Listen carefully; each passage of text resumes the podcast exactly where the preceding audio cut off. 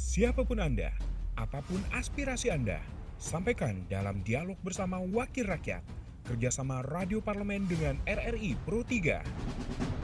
Saat rakyat bertemu dengan Wakil Rakyat, bicara aspirasi, pembahasan anggaran, pengawasan dewan, dan legislasi. Dialog bersama Wakil Rakyat, di sini RRI Pro 3, setiap hari Rabu pukul 14.05 sampai dengan 14.45, waktu Indonesia Barat.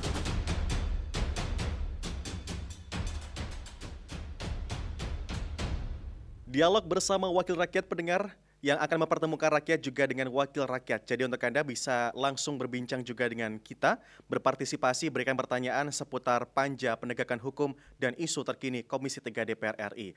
Uh, untuk Anda yang ingin bergabung bersama kami, Anda bisa sampaikan ke line telepon 021 352 3172, 021 384 4545, 021 386 6712. WhatsApp juga bisa Anda sampaikan ke 081 399 399 888. Telah tersambung bersama kami via Zoom meeting anggota Komisi 3 DPR RI fraksi Partai Nasdem Dapil Lampung 1, Taufik Basari SH Shum LLM. Selamat siang Pak Taufik.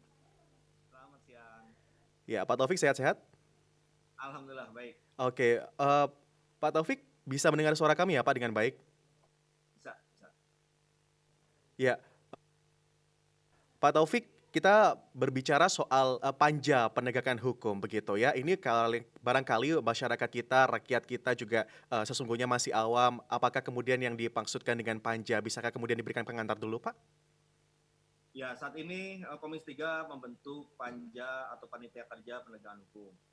Uh, alasan kita membentuk panitia kerja untuk penegakan hukum ini adalah kita akan melakukan uh, fungsi pengawasan ya dengan uh, mengawasi mitra-mitra kerja kita utamanya adalah um, Polri, Kejaksaan Agung, uh, KPK ya.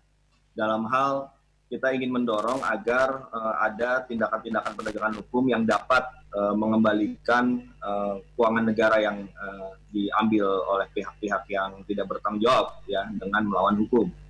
Nah, kita uh, melanjutkan apa yang diharapkan oleh presiden uh, bahwa saat ini sebenarnya uh, negara sedang membutuhkan dana yang uh, cukup untuk bisa melanjutkan pembangunan, untuk bisa membangkitkan kondisi ke, ekonomi kita.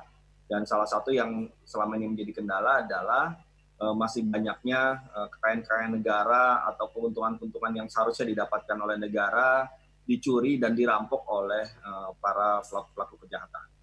Nah, kita melihat salah satu yang menjadi penting sektor yang harus kita awasi adalah penegakan hukum di bidang sumber daya alam.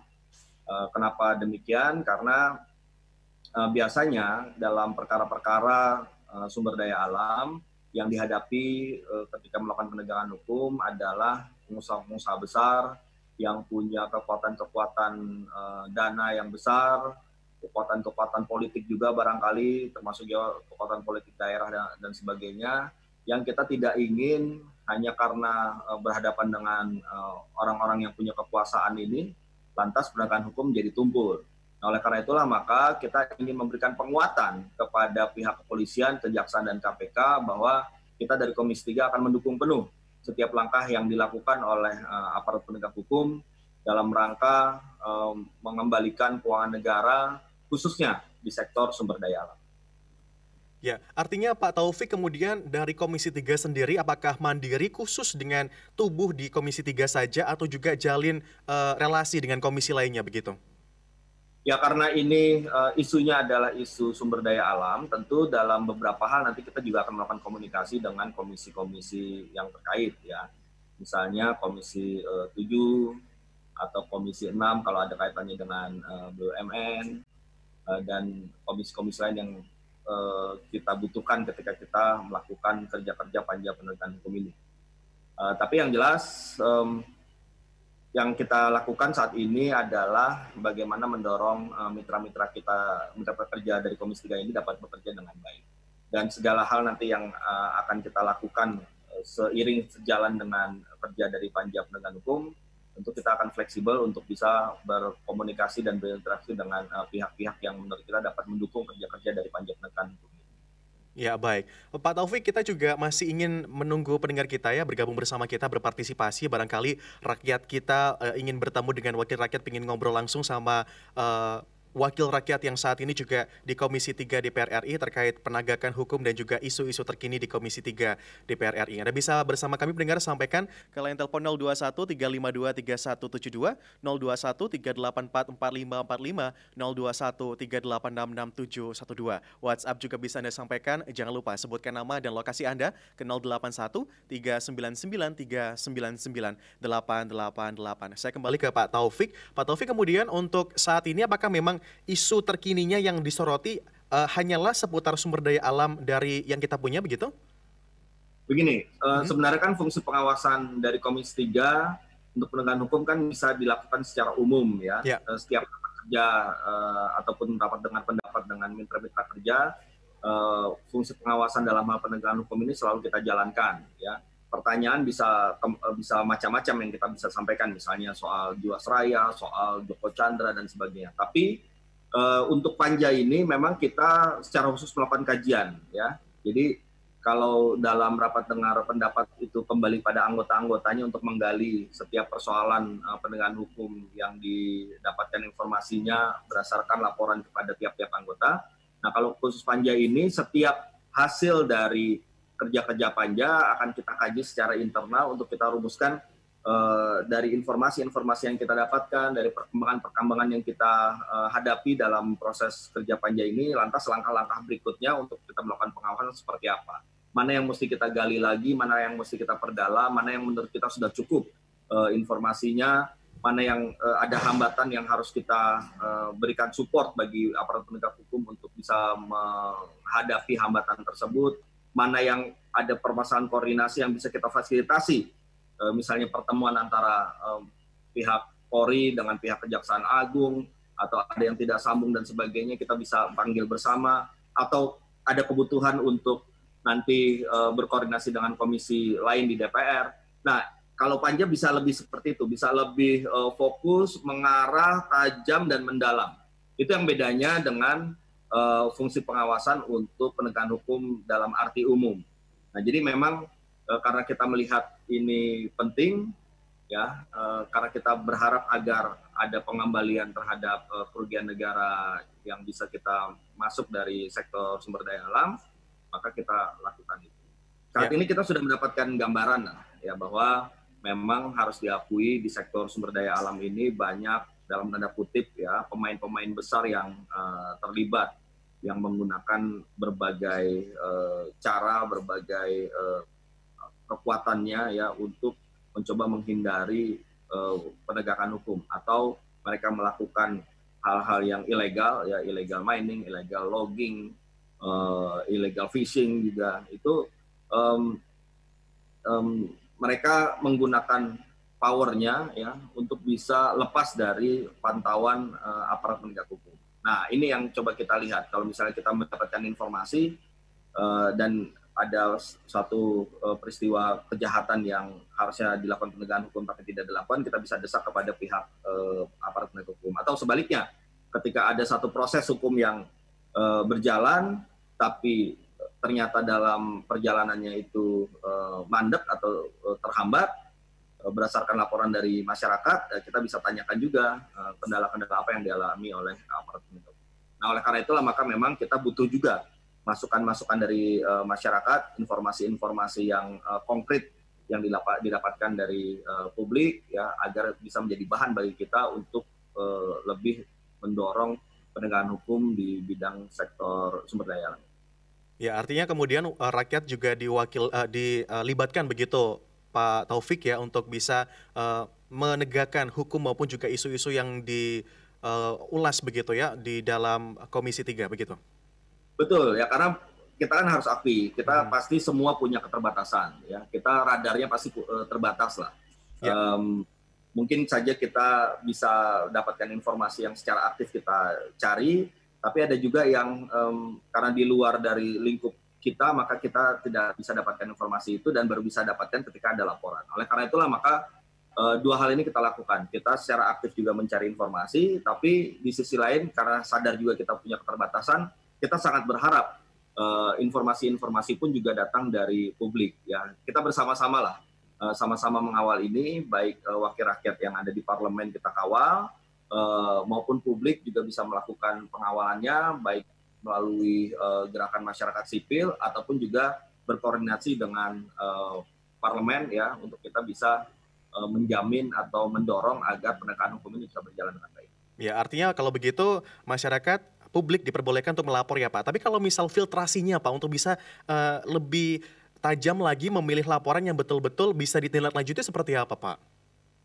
Ya memang um, kita juga tidak mau gegabah. Ya. Uh, laporan-laporan tersebut kita anggap semuanya pasti benar hmm. dan kemudian kita tindak lanjuti tanpa kita melakukan proses atau klarifikasi terlebih dahulu.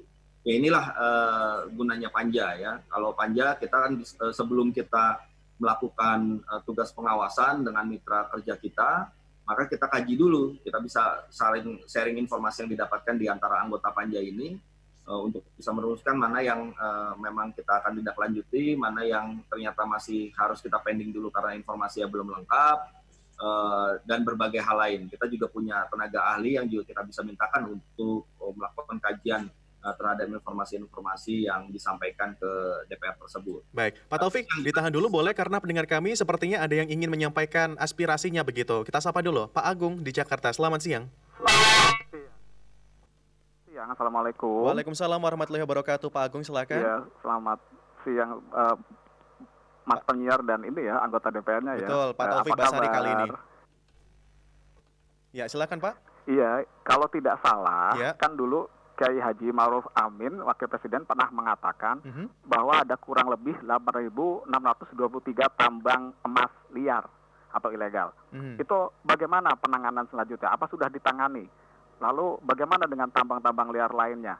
Seperti tambang minyak, Eh, dan tambang-tambang batu bara atau tambang-tambang lainnya di Indonesia yang ada di Indonesia. Terima kasih. Baik, terima kasih. Waalaikumsalam warahmatullahi Pak Agung di Jakarta. Saya kembali ke Pak Taufik. Pak Taufik tadi eh, pendengar kita menyoroti soal pertambangan yang liar. Kiranya sejauh ini seperti apa penanganannya, Pak?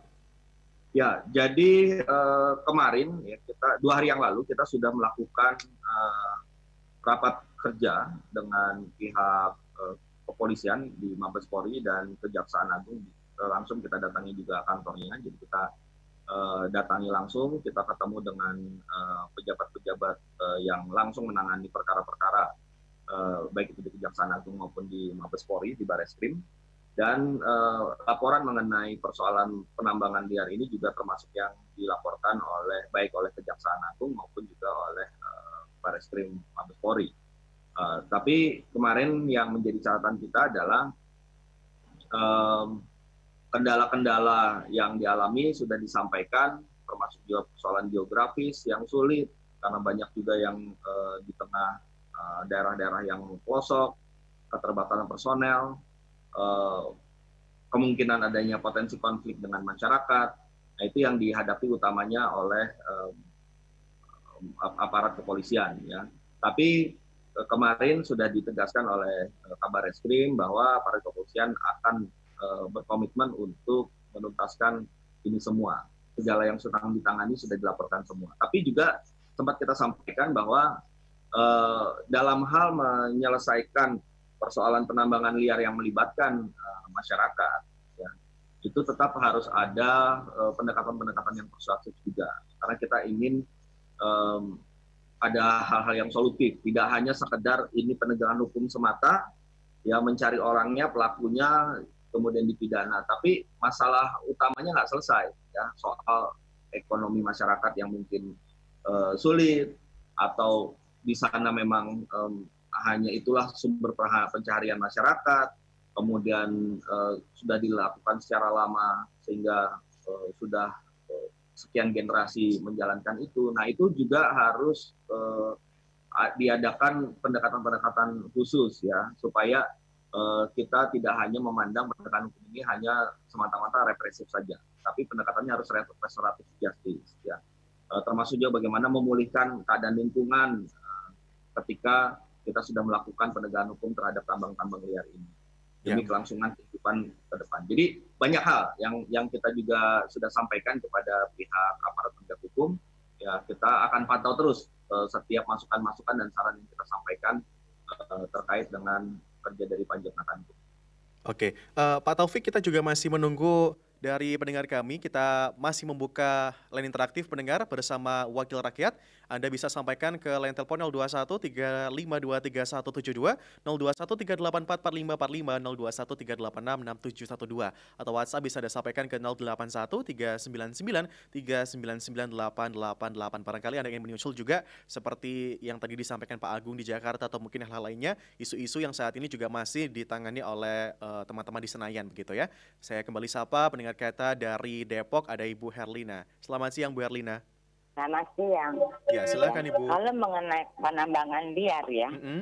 uh, ini kita juga harus tahu um, uh, kenapa bisa jadi penambangan liar. Mm -hmm. Bagaimana uh, bupati daerah di sana penegakan hukumnya dan bagaimana lingkungan. Dan jangan untang-untang di Kalimantan ada emas, ada perak, ada tembaga, terus kirim tenaga kerja dari Cina. Berapa pinjamannya? Amdalnya tahu nggak?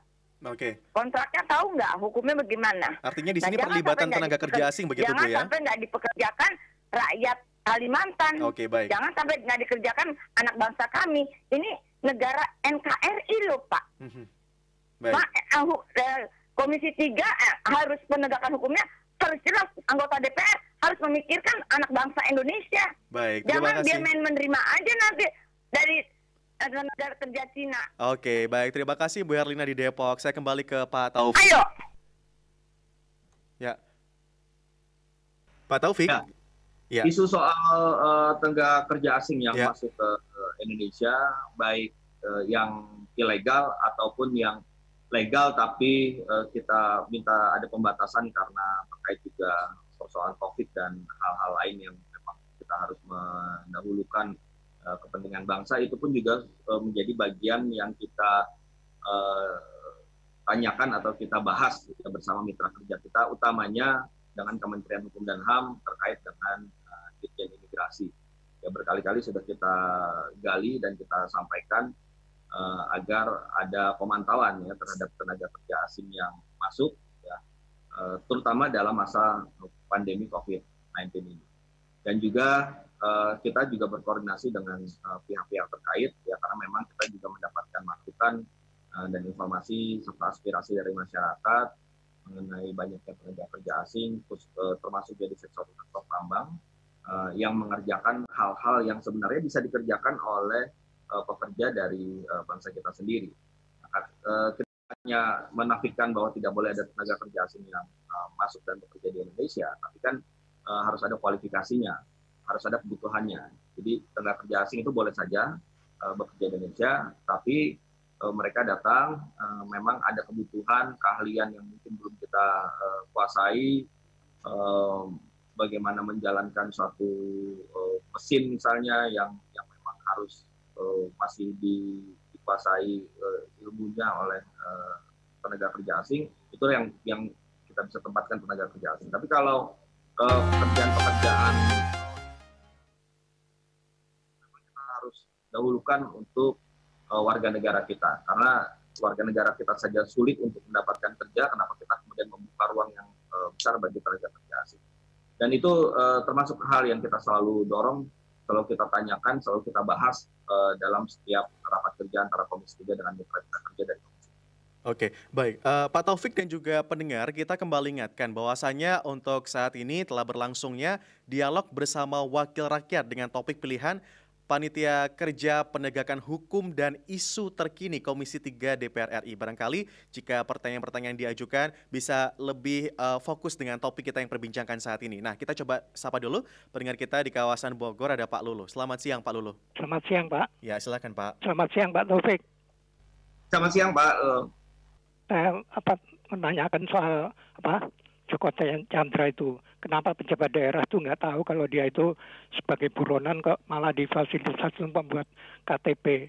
Dan saya rasa apa Joko Chandra membuat KTP untuk apa keperluan dia sendiri soal pengalihan aset-asetnya dia yang masih ter, ya mungkin mau dijual atau bagaimana kan dia perlu kalau di notaris kan diperlukan apa IKTP segala itu. Oke okay, baik. Dan baik. saya rasa Joko Chandra itu mau menjual aset-asetnya dan saya minta supaya Komisi 3 itu menekan kepada apa Kementerian Hukum itu supaya hati-hati jangan ada pengalian aset dari Joko Chandra di disarti supaya notaris itu membuat apa berita acara apa akta notaris sehingga dia masuk ke Menteri Kumham untuk membuat berita negara supaya aset-asetnya dia bisa berpindah ke tangan orang lain Baik. dan dia menjual aset-asetnya itu kan baik. berbahaya padahal dia punya kewajiban untuk membayar kerugian negara. Terima ya, kasih. Baik. Terima kasih Pak Lulu di Bogor menyoroti soal dari uh,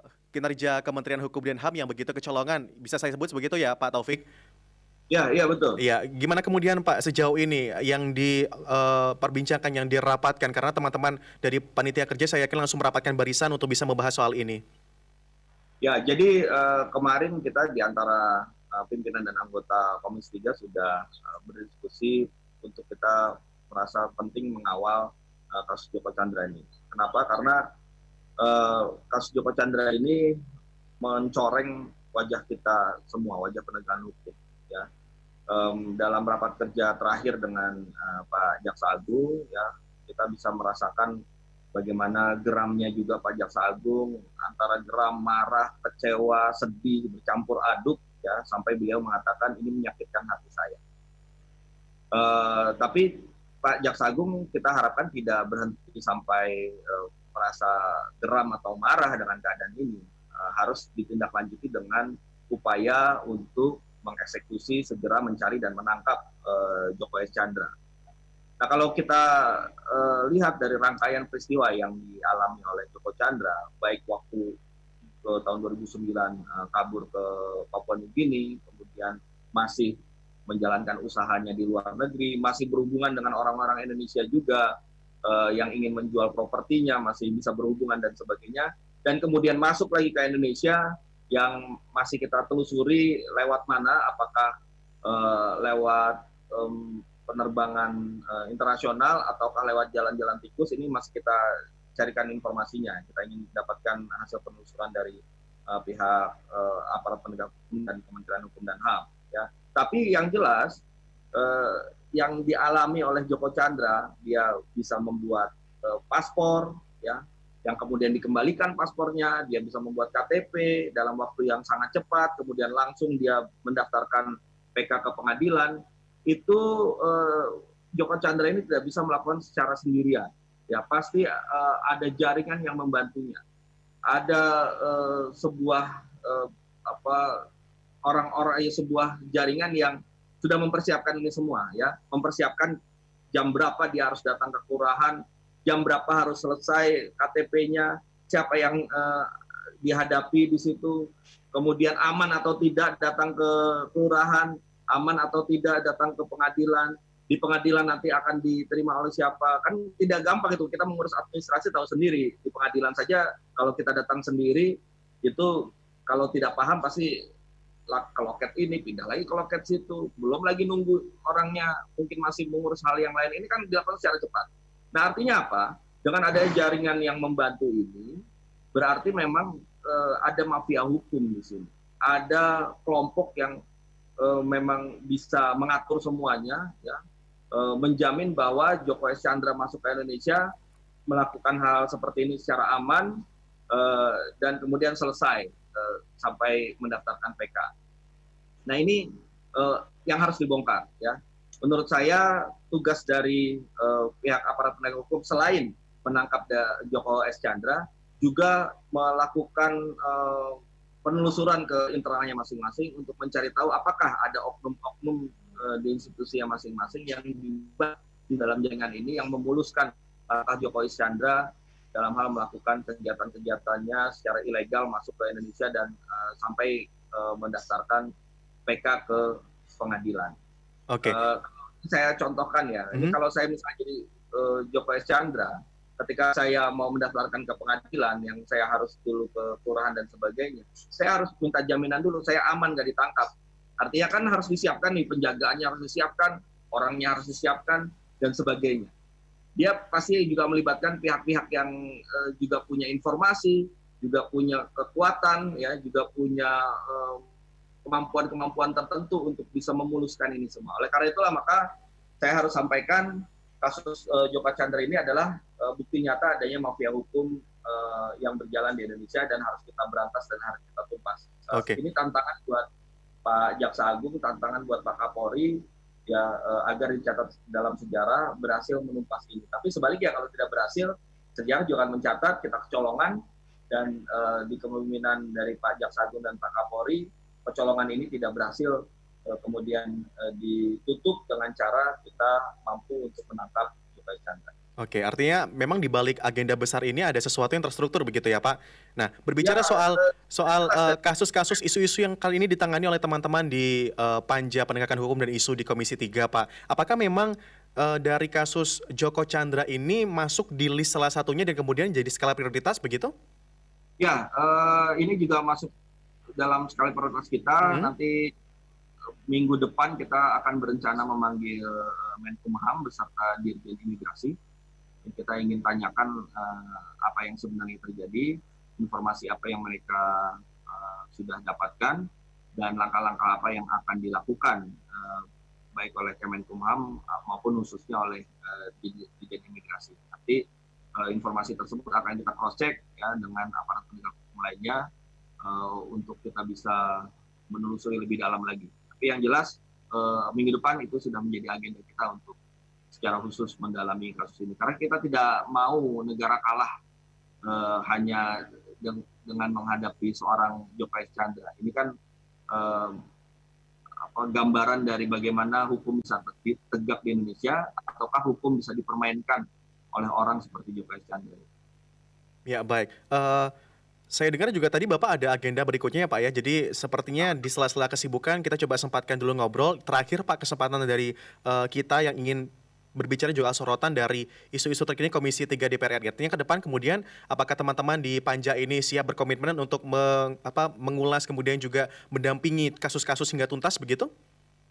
Ya, uh, ada beberapa kasus-kasus yang sudah kita list yang kita sudah inventarisir yang hmm. akan kita gali eh, lebih dalam dan kita akan minta uh, setiap perkembangannya. Selain panja penegakan hukum juga ada panja jiwasraya. Oke. Okay. Kita juga akan mengawal kasus itu termasuk juga uh, memikirkan nasib dari para nasabah. Para nasabah ini juga harus kita uh, jamin agar mereka mendapatkan kepastian hukum. Kemudian juga ada kasus-kasus menarik yang sempat kita sampaikan juga dalam rapat kerja, seperti uh, kasus penyiraman air keras uh, Novel Baswedan, kemudian um, kasus uh, ada kasus korupsi di beberapa tempat yang tidak berjalan ataupun um, belum menjadi uh, perhatian dari aparat penegak hukum, tapi kita sudah dapat sudah dapatkan informasinya. Uh, dan beberapa kasus-kasus lain yang juga menarik perhatian publik, termasuk juga lapor yang kasus-kasus uh, yang sudah dilaporkan oleh aparat penegak hukum ya oleh kepolisian dan kejaksaan yang juga butuh uh, pemantauan baik oleh masyarakat maupun oleh uh, Komisi 3. Oke, okay, baik. Jadi, Allah kita akan coba menjalankan tugas ini uh, dengan baik um, mohon bantuannya, mohon dukungannya selalu, termasuk juga dalam hal pemberian informasi apabila ada hal-hal yang kita bisa fasilitasi untuk kita dorong uh, agar negara kita bisa menjadi negara hukum yang uh, sesuai dengan apa yang Baik, kami tunggu Pak Taufik juga bersama teman-teman rekan-rekan lainnya yang uh, terjaring atau mungkin ter terdaftar dalam anggota panitia kerja penegakan hukum uh, Komisi 3 DPR RI dan juga semoga nanti ke depan masyarakat bisa lebih mudah begitu Pak ya untuk aksesnya dan juga kita tunggu uh, dari efektivitas komunikasi kemudian juga koordinasi dari teman-teman bersama juga dengan mitra kerja. Baik, terima kasih. Baik. Saya mohon maaf uh, harus ada kegiatan lain. Baik, terima kasih Pak Taufik telah berbincang dengan kami di Pro 3 RRI. Selamat siang, selamat bertugas kembali dan selamat melanjutkan agenda Anda berikutnya Pak Taufik. Baik, selamat siang. Selamat siang. Pendengar baru saja kita ikuti bersama program Indonesia Menyapa Siang dalam segmen uh, Dialog Bersama Wakil Rakyat, kerjasama DPR RI bersama dengan Radio Republik Indonesia Bersama tadi kami adalah uh, anggota Komisi 3 DPR RI, fraksi Partai Nasdem Dapil Lampung 1, Taufik Basari SH Sum LLM yang beliau juga anggota Panitia Kerja Penegakan Hukum Komisi 3 DPR RI. Saya karyawan outsourcing. Maunya sih saya bisa tahu dan nyimak pembahasan undang-undang terutama yang terkait hajat hidup saya. Saya mahasiswa, maunya bisa menyimak rapat-rapat pengawasan